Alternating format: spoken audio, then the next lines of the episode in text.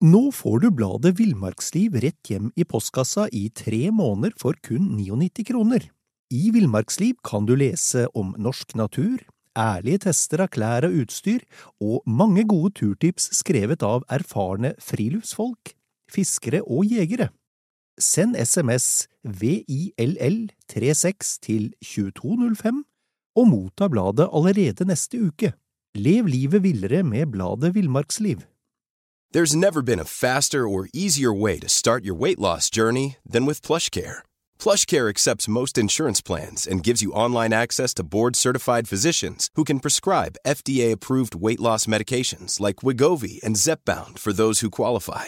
Take charge of your health and speak with a board-certified physician about a weight loss plan that's right for you. Get started today at plushcare.com slash weight loss. That's plushcare.com slash weight loss. plushcare.com slash weightloss. Velkommen til podkasten Villmarksliv. Mitt navn er Knut Brevik, og jeg er redaktør i Villmarksliv, bladet Jakt og Alt om fiske.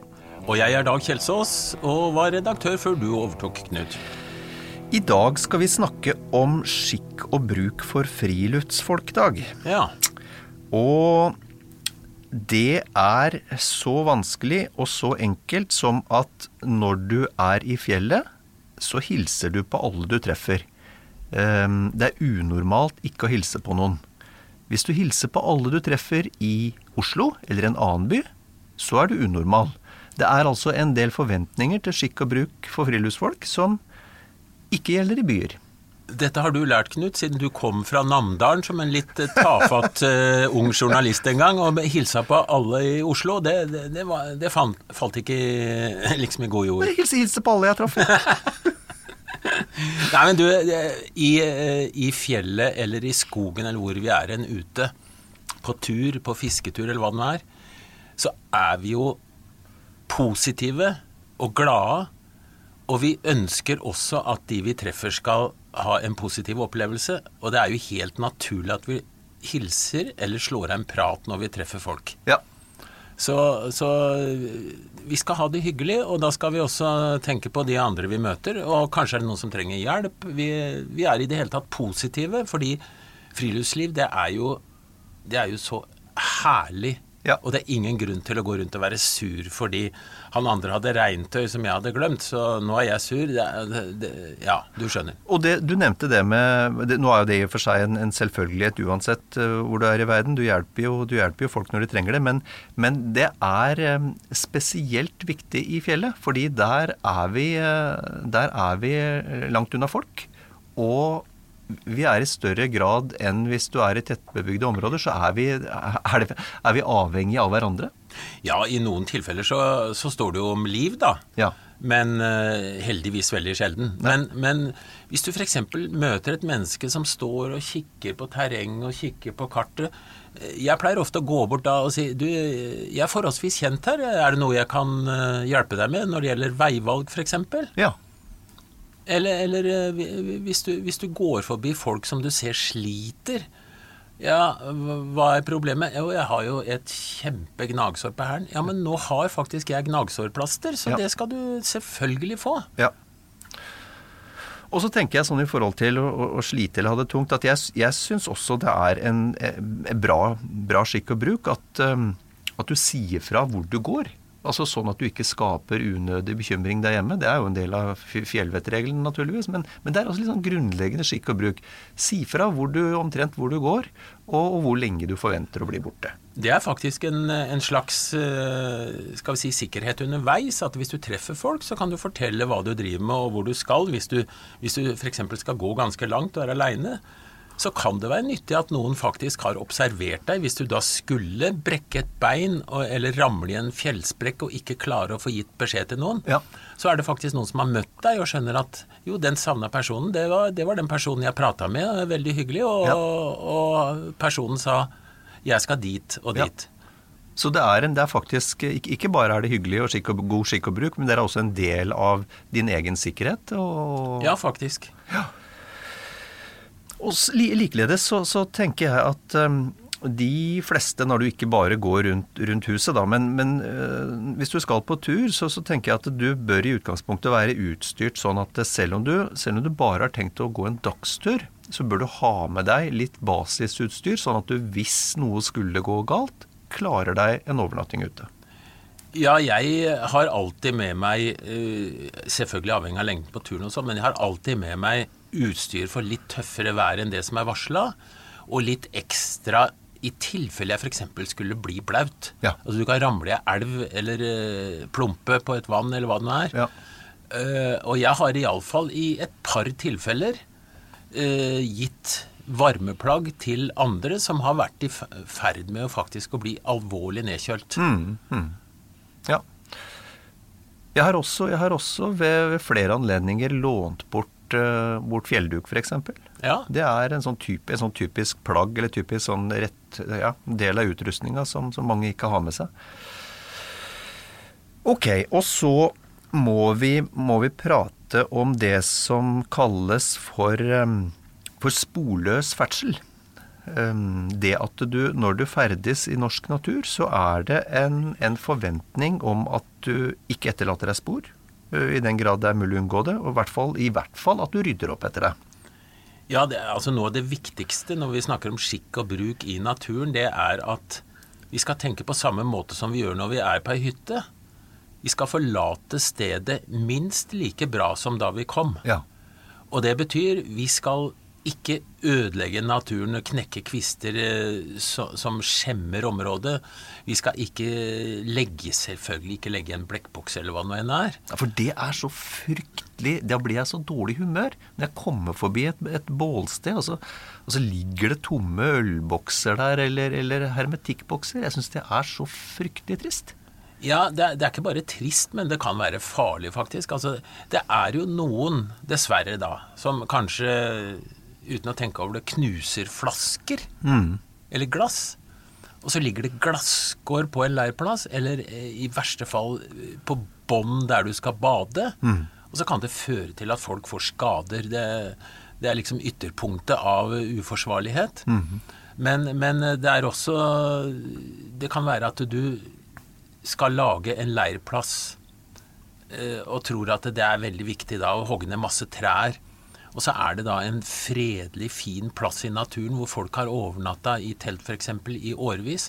Så kommer det noen og hogger ned eh, ferske trær som står der, og, og, og, skaper altså en misstemning for de som kommer etterpå. For det ser jo ikke bra ut. Ja.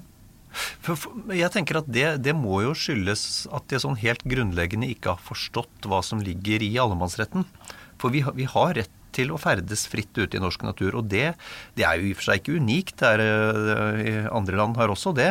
Og så finnes det land som ikke har det, selvfølgelig. Men, men det, ligger en del, det, det, ligger en del begrensninger også. Og, og det er det at vi har allemannsrett det åpner ikke for å legge store skogområder flate. Nei, altså eh, Hvis vi tar det med å hogge skau, da, så er det klart at det er jo skogeieren som tross alt eier trærne. Ikke sant? Men eh, friluftsloven gir oss fullmakt til å, å ta bålved. Mm.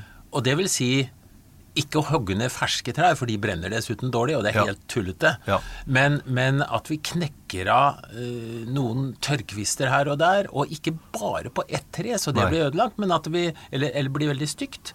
Men at vi tar litt her og litt der, ja. og så syns det ikke. For det, uh, i naturen er også sånn at snøen knekker kvister om vinteren osv. Og, så og noe detter ned, og noe blåser ned osv. Så, videre. mm. så hvis vi bare tar med skjønn, så, så kan vi jo har vært på stedet og fyra bål i ei uke uten at noen ser at det har vært mennesker der. Ja. Bortsett fra da kølet som ligger igjen, og da helst på den bålplassen som har vært benytta av andre og kanskje oss sjøl i uminnelige tider. Ja. Uh, så, og når vi er inne på bålplass Bruk de gamle bålplassene, ikke lag nye hele tida. Og du Nei. trenger ikke ei steinrøys rundt bålet for å lage en borg. For å, det brenner ganske godt hvis du har bare noen få steiner. Det er, det er, det er mange sånne enkle ting som, som uh, vi som har holdt på med det her i årevis, vi, det sitter i huet på oss. Mm, men det er mange nye friluftsfolk som, som kanskje har veldig gode intensjoner, men som ikke helt tenker over at, at det, det, ser jo ikke sånn ut eh, når jeg drar herfra som de gjorde da jeg kom, for nå har jeg gjort sånn og sånn og sånn. Så, så tenk litt på det, at du skal være varsom. At du ikke skal lage skader i naturen eller eh, andre sår som da blir der lenge etterpå. Optimalt sett så er det ingen som skal se at du har tilbrakt to netter der, f.eks., når du reiser videre. Nei, det er, det er jo det øh, så, som er noe av hensikten med, med at, vi, at vi skal trives ute, og at vi skal bruke leirplasser om og om igjen. At vi skal la det være omtrent sånn det var da vi kom. Og hvis vi skal ligge på granbar, som er helt greit, det er lov å knekke granbar inntil en viss grense, da. Så knekker vi ikke alle på samme tre, og i hvert fall ikke det som står alene midt ute på ei myr hvis du er på Randaleik. Vi går inn i skauen, knekker litt her og litt der, og da, da vil det ikke synes. Og, og, så, og så kan vi ta og, og forsyne oss med det vi trenger, og ta det vekk når vi er ferdig. Og da, da, da lar vi det ikke ligge en haug midt oppå den største toppen. Da kan vi legge det i et dump eller litt unna. Ja. Eh, Altså Det er sånne små detaljer som totalt til sammen gjør at det ser greit ut når vi eh, går videre. Ja. Og, og, litt det samme, Dag, gjelder vel hvis du etablerer en leirplass eller ei barhytte under, under Orrhaneleik, f.eks.? Ja, det er jo eh, det, det er et, et typisk eksempel på at det går an å gjøre ting riktig eller gærent. For jeg har sett Åranaleiker hvor folk faktisk har hogd så mye skau på leiken at de har forstyrra leiken og, og endra biotopen, altså. Ja. ja.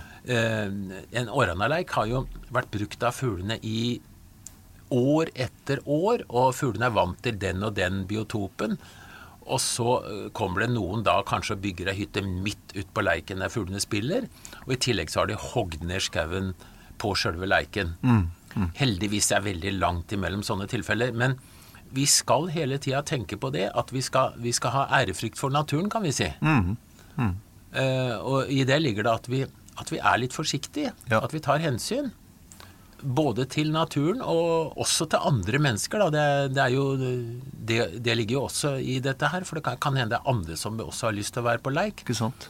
Og heller legge seg i utkanten av leiken enn enn midt innpå når du først snakker om leik. da. Ja, altså Stikkordet her er vel egentlig å ta hensyn.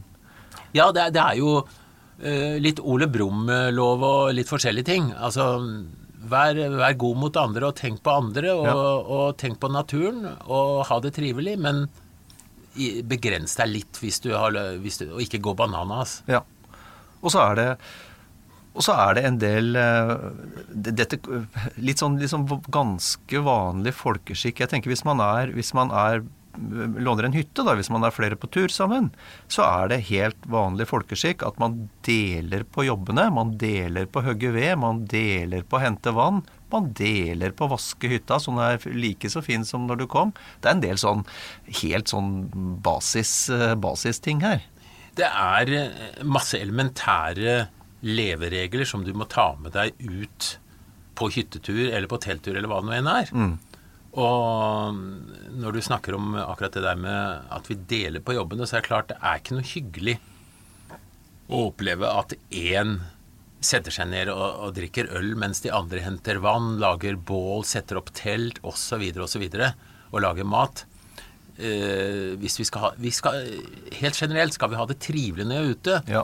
Og det går både på hva vi opplever av sjølve naturen og hvordan den ser ut etter at andre har vært der, men det går også på det hvordan vi lever oss imellom på tur. Ja. Og jeg har jo, må innrømme, jeg har hatt vært på tur med folk som, som ikke har gjort noen ting for trivsel, ikke har vært med på de obligatoriske rundene med Det kan være å tråkke plass i snøen til teltet. Ja. Det kan være å hente ved, hente vann. Alt det som må til. Ja. Og, og, og altså det, for de fleste av oss som har vært ute en del, så er det helt naturlig at vi jobber selv om vi er slitne. Ja. Så jobber vi alle for at alle skal ha det fint. Men, men øh, hvis man ikke er med på det, eller for å si det på en annen måte, hvis man har med noen som ikke vil, så er det greit nok, men det er- var den turen den personen var med, ikke flere. Ja, det er jo ofte det det koker ned til. da, at Det blir ofte ikke så mange flere turer på dem. Nei, og det er jo, det er jo dumt for alle parter. Ja. Nei, for jeg tenker Det er jo det er lov og det er godt å sette seg ned og slappe av når man har vært en lang dag ute. Men, men man setter seg ned og slapper av sammen når man er ferdig med jobben. Ja, det er jo, det er jo sånn det er. Og, og jobben er ikke ferdig når vi har spist. Altså, vi, vi skal øh, vaske og gjøre reint øh, steikepanna eller hva det nå enn er. Og ja, ja, vi har jo vært på tur masse, Knut. Ja, ja, ja. Og som, øh, som alltid så henter du ved og, og lager mat og Du sitter og slapper av. ordner opp mens jeg plystrer, mens jeg plystrer for at du skal ha det hyggelig. Og det er en arbeidsdeling, det òg. Nei da, men eh, det koker ned til det at vi er ofra som folk, Ja, ja. rett og slett. Og så er det, og så er det et, um, et punkt også som er litt viktig, syns jeg, når man er flere på tur, at, um, at den svakeste i gruppa setter tempo. Eh, og at ikke de sterkeste ligger foran og jager, for da, da blir det ofte sprekk i feltet, om man skal bruke et sånt sportsuttrykk, og så, og så blir det ikke noe trivelig. Eh, men hvis det, er, eh, hvis det er en som er fysisk svakere enn de andre, at den får lov til å sette tempo, det, det syns jeg er en god regel. Ja, det, det, det, vi må jo tenke på eh, egen trivsel, selvfølgelig, men ikke minst også på kameratenes trivsel. Og det kan noen ganger bety at du faktisk, hvis du er sterk og i god form i forhold til andre, så tar du mesteparten av den tunge bagasjen. Ja. Eh, eller du sier at eh, Hør her, jeg ser at du går og fryser, og du har jo ikke med deg varmt tøy. Da får du låne jakka mi. Ikke sant? Det er ikke noe mål å knekke folk. Det er, målet er at man skal ha det hyggelig sammen på tur. Nå, når vi er på tur, Knut, så ja, syns jeg det er gøy at du eh, er utslitt, men Det er noe annet. Nei, men, men det er jo ikke noe hyggelig for oss heller. Hvis vi kommer til en, en leirplass, og så er en helt utafor og har det ikke noe koselig, det er ikke, det, det er ikke noe ålreit for doen. Nei. Og så er det ofte noe så enkelt, tenker jeg, som å spørre om lov. Eh, eksempelvis eh, hvis du ønsker å sette opp teltet mindre enn 150 meter fra bebodd hus eller hytte. Um, altså det å spørre om lov. Ja, det, altså vi har jo, vi har jo faktisk eh, lover og regler som gjelder, og det som du nevner, 150 meter fra bebodd hus, der kan du slå opp et telt. Eh, men det skal også være i utmark.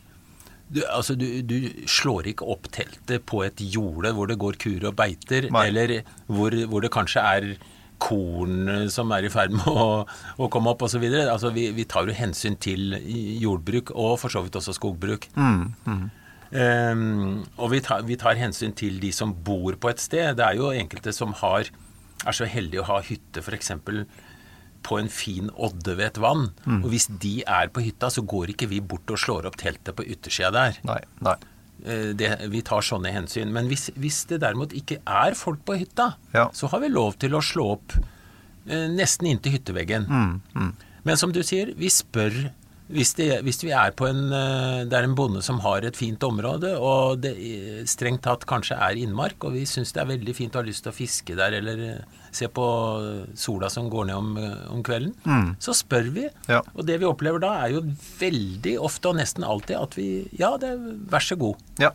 Ja. For du, du viser jo at du tar hensyn når du spør, ikke sant? Og da, da er man jo vennlig innstilt. ja. Og skulle man få nei, så forholder man seg jo naturligvis bare til det. Ja, ja. Eh, ja, og så er, det- er det en del av oss som jo har med fiskeutstyr når vi er på tur. Og, og for, for oss fiskere så, så eksisterer det også en del sånn skikk og bruk-dag. Ja, det Ikke løp bort og ta stanga fra en som har på fisk, og, og si det er din fisk. Nei! Nei! Det regnes som litt ufint. Det er litt over kanten. Ja. Nei, du eh, Når vi er ute og fisker, så er det jo som når vi er på tur. Vi ønsker å nyte eh, naturen og selvfølgelig å få fisk. Ja, ja. Og det er ganske irriterende hvis det kommer en eller annen da og i verste fall kaster snøret sitt over snøret ditt. ja, ja. Eller, eller eh, det kommer noen med en båt og, og finner ut at de skal nok klare å skremme han som går på land der, for nå skal vi ro fram og tilbake rett foran han. ja. Så, så det, det er igjen er det det der med sunn folkeskikk og hensyn. Ja. Og det er jo få konfrontasjoner, heldigvis. Men, men det er noen hovedregler. På, mm, når det gjelder fisking i elv f.eks., så Ja. er det det med bevegelig fiske. ja, bevegelig fiske, hva er det? Det betyr at eh, hvis du kommer til ei elv og, og, eh, og står der og fisker, og er aleine, så kan du bare stå og fiske på samme plassen hele dagen om du vil. Ja. Hvis det kommer andre, f.eks. gående nedover elva, som kaster noen kast og går litt videre osv., så, videre, så skal du tenke ja, nå står jo jeg på godplassen. Nå skal jeg ta hensyn ved at jeg flytter meg sakte nedover elva, så vil den andre også komme forbi godplassen og få mulighet for å fiske der. Ja. I lakseelver så er det her veldig gjennomført. I ørretelver så er det kanskje ikke så gjennomført, men det bør også gjennomføres der. Nei, og, og, og hvor, holdt jeg på å si, hvor regulert er det i, i lakseelver, da? Altså, hvor mange skritt snakker vi om? Uh... Jeg bruker den regelen at jeg gjør ett kast og går tre skritt. nettopp. Og da, da, da vil du jo kunne kaste Hvis det er et spesielt sted som er veldig bra, så vil du jo da de tre skrittene før og etter også kunne kaste på samme sted. Så du Ja. får jo flere kast på, på godplassen. Ja. Men, men eh, du må ikke bli stående der eh, og, og da nifiske på et sted hvor da andre også bør få slippe til, hvis det er mange som fisker der. Og det, det er en gjennomført regel som, eh, som du ikke skal bryte. Men der, det brytes jo en del. Og jeg, du fortalte meg en gang du hadde vært oppe i, oppe i Finnmark og, og fiska, og der var det én elv. Og der var det en kjempeplass, forsto jeg. En stein. Ja, det, var jeg, det var ei lakseelv hvor det, det jeg, jeg kom kjørende og hadde kjøpt kort, og, og, og så så jeg her er det jo fiskere hele veien, men da får vi bare ta det som det er, og, og det vil si vente på tur. Og jeg venta på tur ved, foran den steinen, da, for der så jeg det var fint å fiske. Ja. Og der sto det en kar og kasta flue. Ja. Og ikke noe stygt om utlendingen, men han var ikke norsk. Men det, det er samme. Nettopp. Han sto iallfall der og fiska. Ja. Og han fiska. Og han fiska. Og jeg tenkte her skal du få se kar som er tålmodig, jeg skal nok vente. Ja. Men han hadde dessverre med seg kona. Og kona kom da med mat til gubben. Nei! Og han sto og fiska på plassen og fiska. Og så tenkte jeg jeg gir meg ikke. Nei. Jeg skal vise hvem som er tålmodig her. Ja. Men jeg måtte gi meg, altså. Ja. Ja, For nå, han gikk på do ved steinen nå. Altså, for, for alt vi veit, kan hende han står der ennå. Ja, jeg, jeg håper inderlig han fryser noe grådig. Ja, men det er jo, det er jo et eh, grelt eksempel på, på slik det ikke skal være, da. De, Ja, ja, de, fleste, de fleste steder funker det vel egentlig, og hvis det ikke funker, så, så, så er vel ikke fiskere snauere enn at de sier fra. Det går an å, å si fra og, på en pen måte. Ja. Og det, det kan være folk som ikke kjenner til denne regelen. For det er jo ikke noe, det er ikke lovpålagt, men det er altså en, en regel som alle bør kjenne til. Vi er lakseelv, og jeg mener også gjennomføre ved ørretelver. Ja. I vann så kan du også tenke det samme hvis det er flere som, som eh, skal fiske på et sted. Så det er litt surt hvis en står på den beste plassen og ikke gir seg, og de andre eh, viser kanskje at de har lyst til å fiske der de òg, men de slipper aldri til. Det, jeg tenker at Det er ufint. Ja, det er ikke helt bra. Så det, men, men det er sunn fornuft, altså, som gjelder også når du fisker. Det er, det er tanken på at alle skal ha det trivelig, og da, da, da er, bør det være naturlig at du tenker på den måten. Ja. Men det er, jo, det er jo litt påfallende da, hvis du har gått flere timer for å komme inn til et vann, eh, så er det én annen der, og dere samles på akkurat samme stein, eller akkurat samme nes. Altså, du, dere har en hel vidde å ta av. det, er, det er jo påfallende. Jeg skal være ærlig og innrømme at jeg har faktisk gått til eh, en fiskeplass i et par timer, Ja. Og så har jeg sett at det er telt og folk som driver og fisker der, og så har jeg snudd og gått to timer tilbake igjen. Jo, jo, men det er jo fint. Ja, ja, ja, altså Og det, det får du da tåle hvis du ikke var der først. Ikke så. For det, det er jo, du kan jo ikke jage folk heller. Nei, nei, nei. Og, og hvis vannet er lite, så er det ikke sikkert at det er fornuftig at det er så mange som fisker, for da ødelegger alle for alle, for da Ja. blir fisken sky. Ja. Så det er en del sånne ting, da. Men, men heldigvis, vi lever i et land hvor det er utrolig mange vann, mange vidder, mange flotte plasser. eh, Så vi finner nok en plass til også. Vi må ikke tråkke beina på hverandre. Nei, nei, vi må ikke det. Nei. Andre, andre regler vi skal tenke på da, Dag? Ja, Hvis vi snakker om fisking, så, så er det jo eh, annet det at du, du kan faktisk hjelpe folk hvis du er den som kjenner til hva slags sluk som er bra i det vannet. Og hvis det kommer noen som kanskje ikke helt har grepet. Det er veldig hyggelig å bli tilbudt uh, hjelp eller råd. Ja. Og, og for eksempel hvis, hvis du Ja, ta et eksempel hvis du er på pilketur, da. Og du får masse røye, og de andre får ikke røye. Da går det an å røpe og si at hør her, røya står to meter opp fra bånn i dag. Ja. Og derfor så må ikke du fiske på bånn, for da får du ikke noe, for der nede er det ikke fisk. Nei. Det, det, noen syns det er kjempegøy å få mer enn andre å holde på hemmeligheter, men, men det er hyggelig at alle har det koselig. Ja. ja. Og så har vi litt sånn, eh, tenker jeg, helt sånn basis Nå får du bladet Villmarksliv rett hjem i postkassa i tre måneder for kun 99 kroner. I Villmarksliv kan du lese om norsk natur, ærlige tester av klær og utstyr, og mange gode turtips skrevet av erfarne friluftsfolk, fiskere og jegere. Send SMS VILL36 til 2205 og motta bladet allerede neste uke. Lev livet villere med bladet Villmarksliv.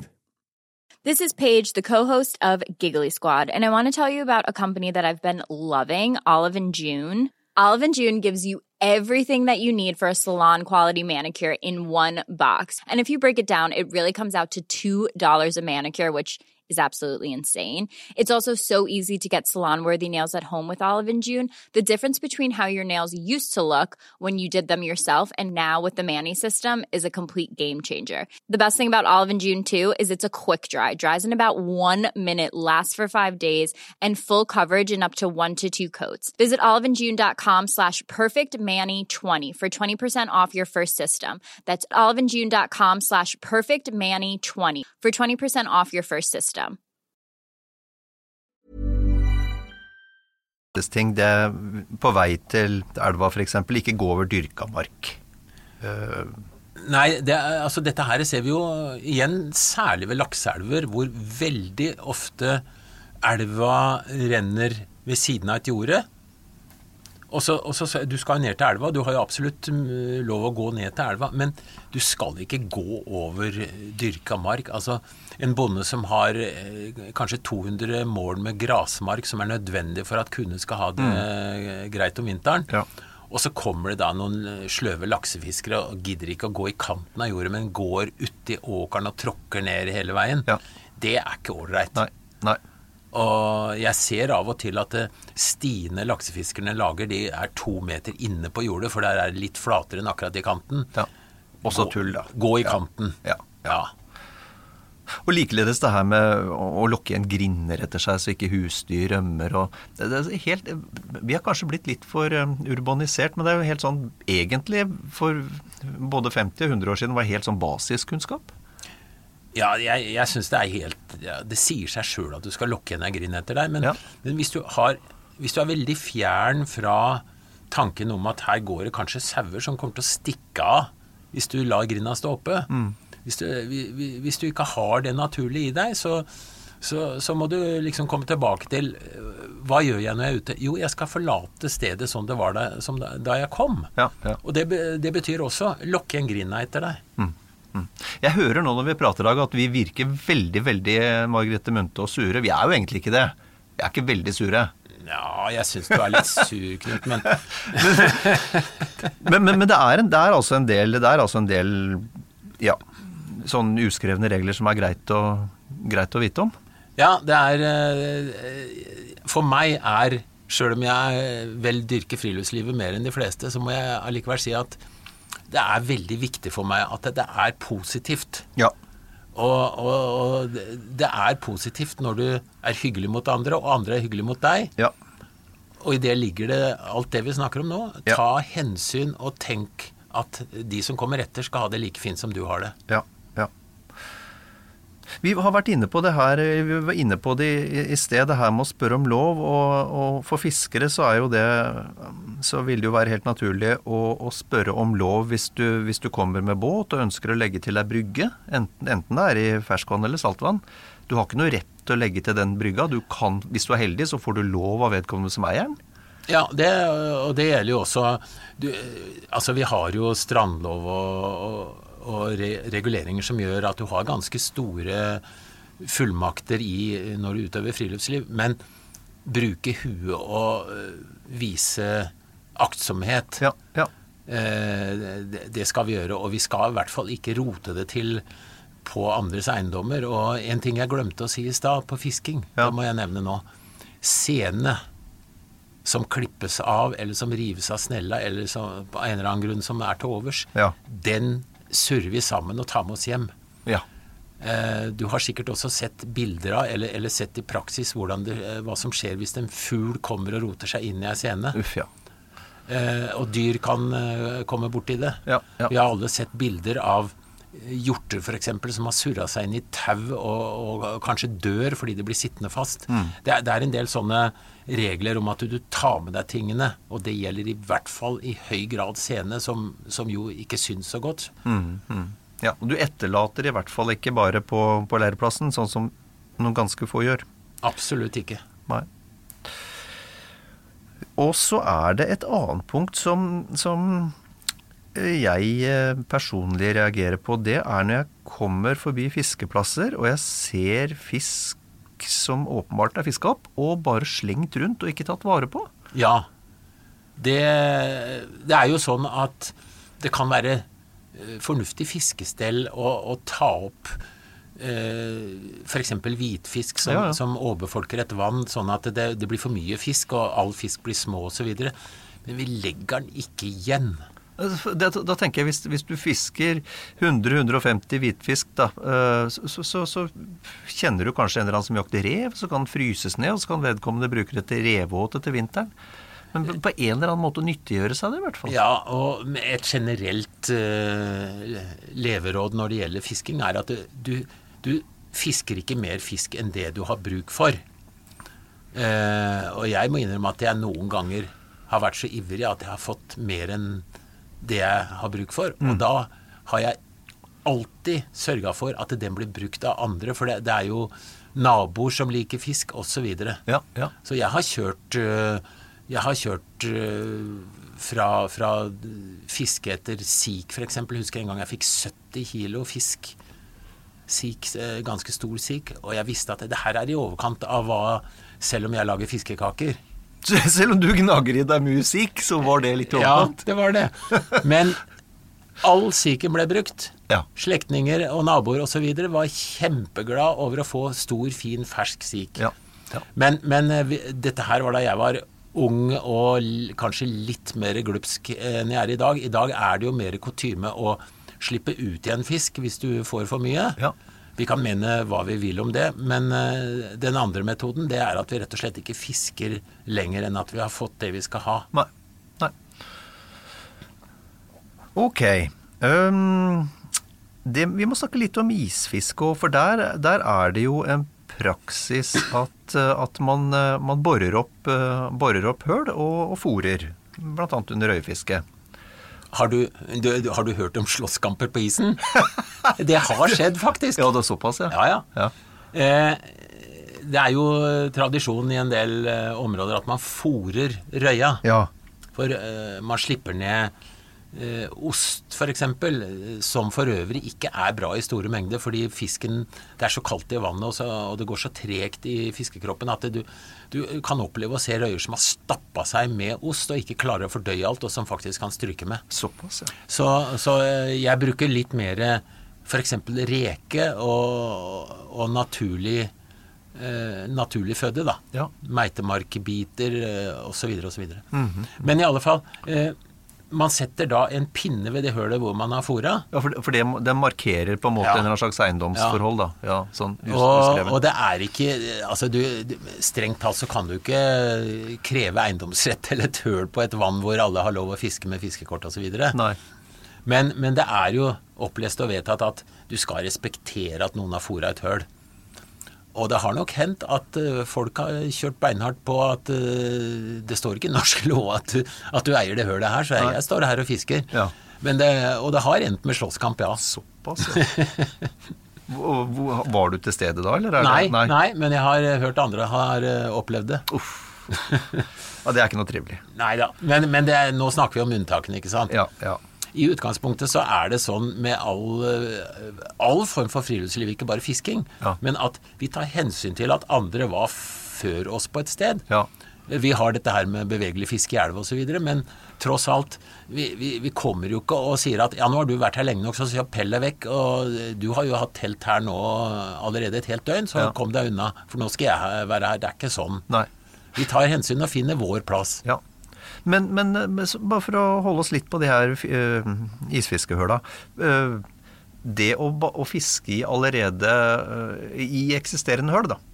eh, som ikke er merka på noen måte. Ja, det er helt greit. Det er helt greit. Ja, ja, ja. Ja. Altså, hvis du, hvis du har bora et høl og gått videre, så, så kan du ikke hevde at eh, Nei. andre skal holde seg unna. Nei. Men, men det fins Hvis du vil ha noen knep, Knut, Ja. ja, så kan du Hvis noen er plagsomme, da, Ja. Eh, så, så kan du bore et høl bare halvveis. Og, late, og, og, og hvis du er ordentlig slu, så fyller du vann opp i tillegg.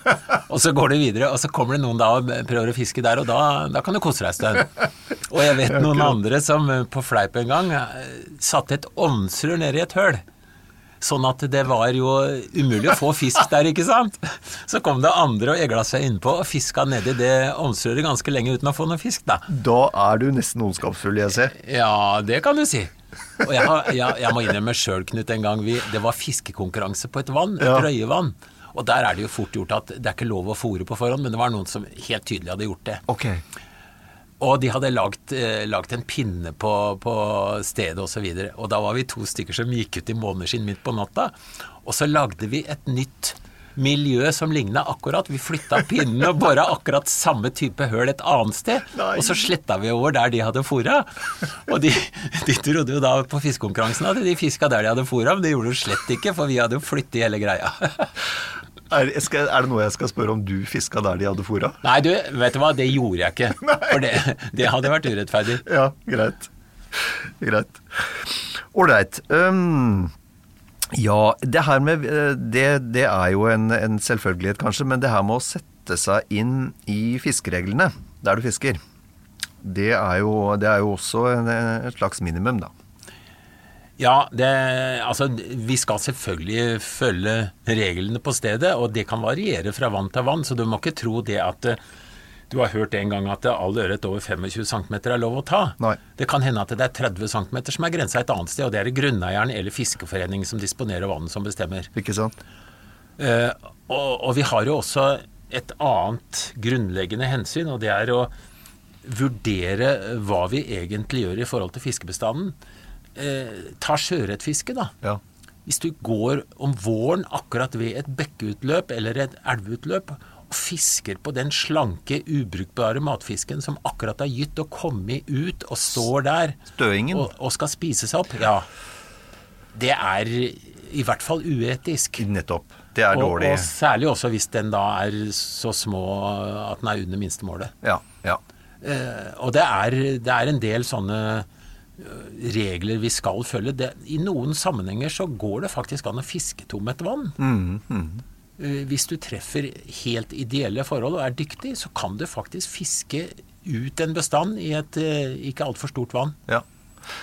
Og der, der er det jo en eh, problematikk som treffer oss eh, som gamle bladfykerdag eh, med, med stor kraft.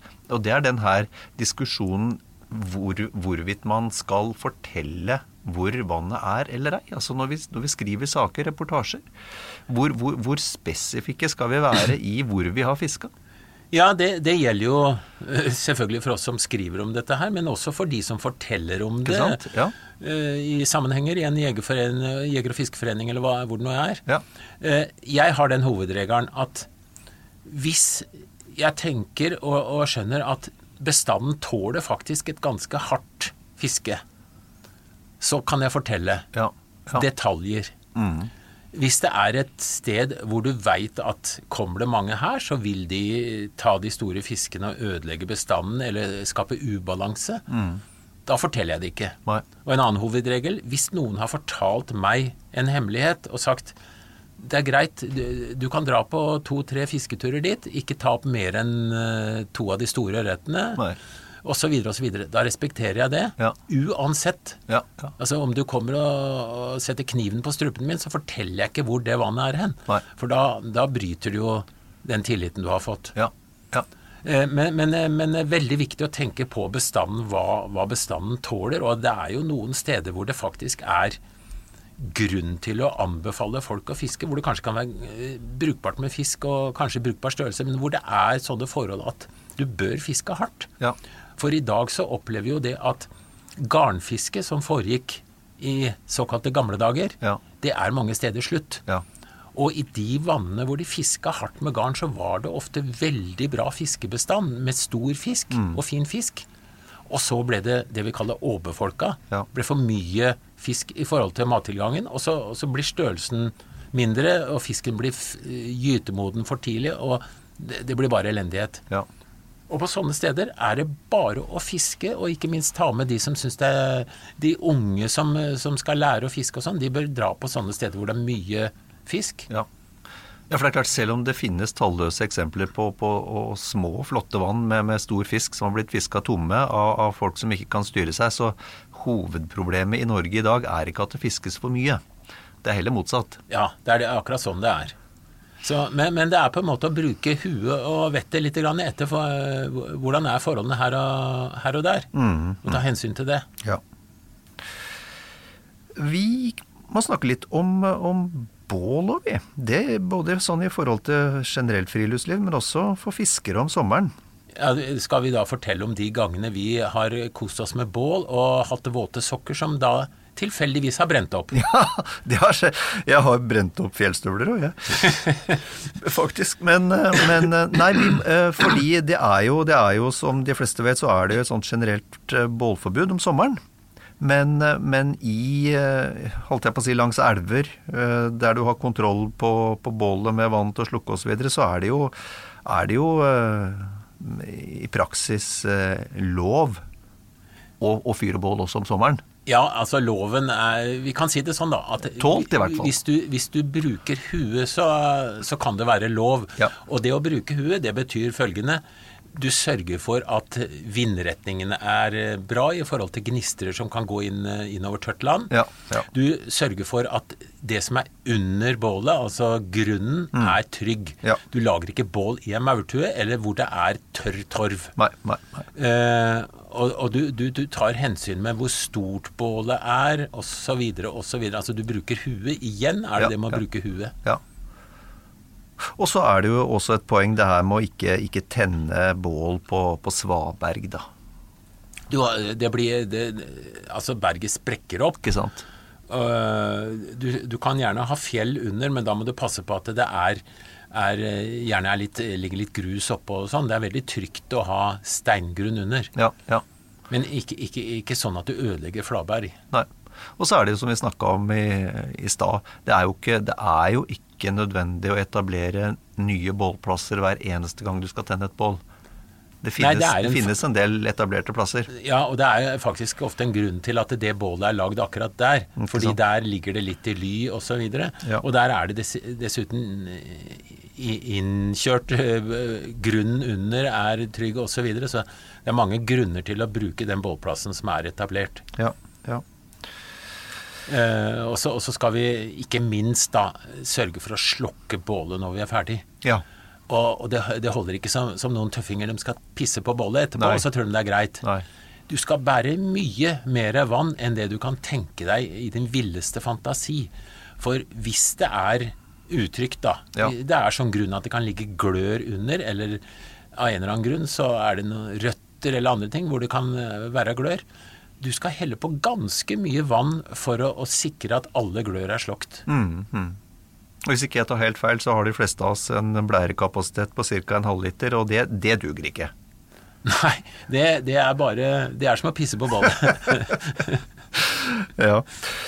Uh, ok. Vi, jo, vi må, vi må snakke litt om eh, For det er også litt sånn skikk og bruk, tenker jeg, i utmarka. Det her med, med barn og unges, uh, unges eh, gratisfiske. ja, Og, og, og foresatte og hjelpere. Ja, der er det også variasjoner. Men altså, eh, inntil du er 16 så har du lov å fiske gratis. Du skal, du skal si fra Ja. og, og spørre om å få gratis kort eller sånn, men i Ja. utgangspunktet så, så kan det ikke kreves fiskekort av deg i Nå snakker vi ikke om lakseelver, nå snakker vi om uh, innenlandsforhold. Ja. um, og du kan godt hjelpe poden eller, eller din datter eller øh, hvem det nå er, til å tre på mark og kanskje kaste ut og sånn. Men far skal ikke skylde på at det er barnet som ligger med tåtesmokk oppi teltet, som, er, som fisker Nei. der og da. Nei. Nei. Eh, Det, man må tenke litt fornuft der òg. Ja. Men jeg, jeg syns det er kjempefint at det er en sånn regel, fordi det er jo så hyggelig å se hvordan unge lærer seg å fiske og finner gleden ved å fiske. Og, og det har Ja, jeg har jo opplevd at jeg har hjulpet et, et barn en gang som fikk sin første fisk, og det var en mort. Ja. Og den ble satt i kjøkkenvinduet, Ja. og den tørka til slutt. Ja. Og den sto i kjøkkenvinduet eh, ved, ved siden av blomstervaser og andre ting. Ja, ja, ja. Lenge. Ja, ja. ja nei, det er jo en ganske raus og fin ordning, og da tenker jeg da er det Da kan vi være såpass large, vi voksne, at vi, vi som er med, hvis vi skal fiske, så betaler vi det kortet. Altså, fiskekort er i utgangspunktet veldig rimelig. Ikke sant? Fordi hvis, hvis vi tenker på hva vi bruker av drivstoff for å komme oss ut i naturen, Mm. hvis vi bruker bil, eller, eller hva vi bruker på utstyr osv., osv., så, videre, så Ja. er det eh, og, og så har du en annen ting. Den derre lille frykten i magen på at det kommer oppsyn. Det, er ikke noe hyggelig. Nei, det er ikke det. Nei. nei. Og så kan du, det, det er en ting som er lov, da. Ja. Og det er å løpe. Ja, ja. Ja, men, men, men nå sikter jeg til Det var faktisk et par eh, kjente skiskyttere en gang som Ja. var på fisketur på Hardangervidda. Ja. Og som var noen skøyefanter. Og de hadde fiskekort. Ja. Så kom oppsynet. Og de trakk litt unna, da, og, og begynte å snu seg ofte og, og løpe litt med stanga. Og slapp oppsynet, som også begynte å løpe, da, for jeg tenkte nå skal jeg ta et par karer her, ja. ja. Og de hadde dratt med seg oppsynet altså så langt innpå vidda som bare det, og de tok det som en treningstur. Oppsynet var i god form, andre ord. Oppsynet var i god form, og han ville ikke gi seg. Men han visste jo ikke hvem han hadde foran seg. Nei. Så til slutt så satte de inn støtet og dro skikkelig fra og rundt og tilbake igjen til leiren, mens oppsynet da heseblesende holdt seg og leita og til slutt måtte gi seg. Ah. Jeg har også hørt en variant av den historien hvor de, hvor, hvor de lot oppsynet ta seg igjen. Uh, og, og da ble de da spurt om fiskekort, og det hadde de. Og da sa oppsynet hvorfor i all verden løper dere? Og da sa de ja, men det er ikke ulovlig å løpe. Nei, nei. Nei, nei, nei. Men, men vi skal være glade for at det er oppsyn. Ja, at- absolutt. At det er, eh, Ja, ja. Så ok. Eh, En eh, morsomhet en gang iblant. Ålreit, eh, Dag. Vi har, eh, nå har vi snakka litt om, om, eh, om skikk og bruk, og vi har eh, eh, vel egentlig, så vidt jeg kan se av det vi har prata om, så, så det hele det koker ned til eh, litt sånn grunnleggende folkeskikk.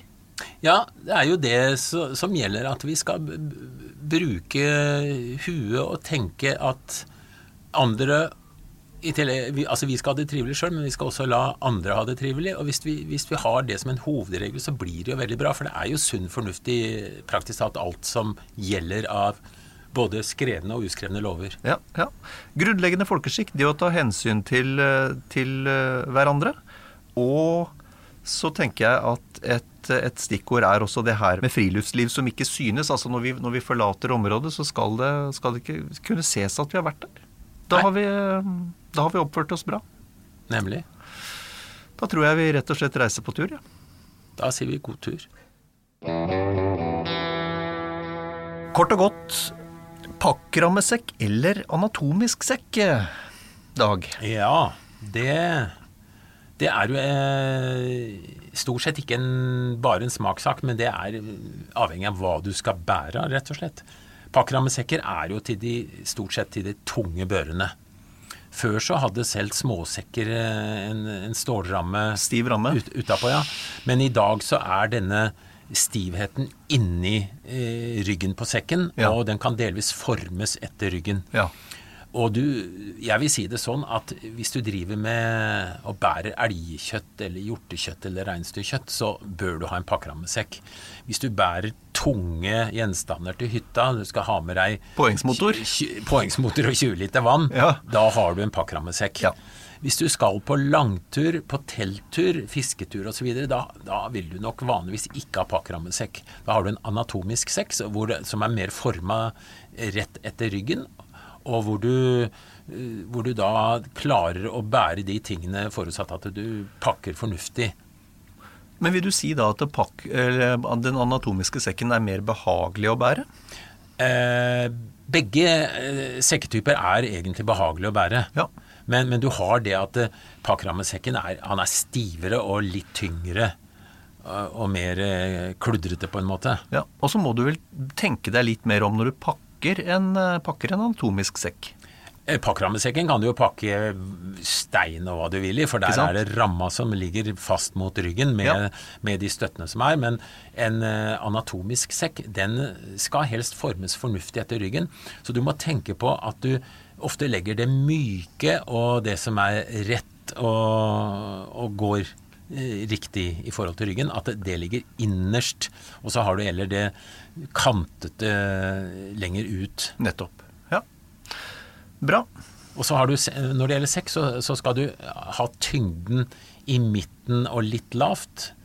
Særlig når du går på ski. Hvis du, om sommeren kan du ha tyngden litt høyere. Ja. Strålende.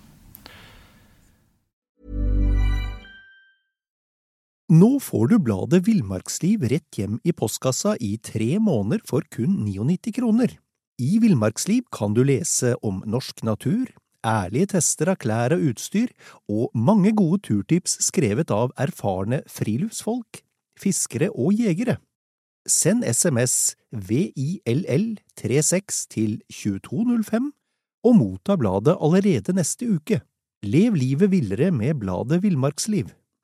Hi, I'm Daniel, founder of Pretty Litter. Did you know cats tend to hide symptoms of sickness and pain? I learned this the hard way after losing my cat, Gingy. So I created Pretty Litter, a health monitoring litter that helps detect early signs of illness by changing colors, saving you money and potentially your cat's life. Pretty Litter is veterinarian developed, and it's the easiest way to keep tabs on your fur baby's health right at home.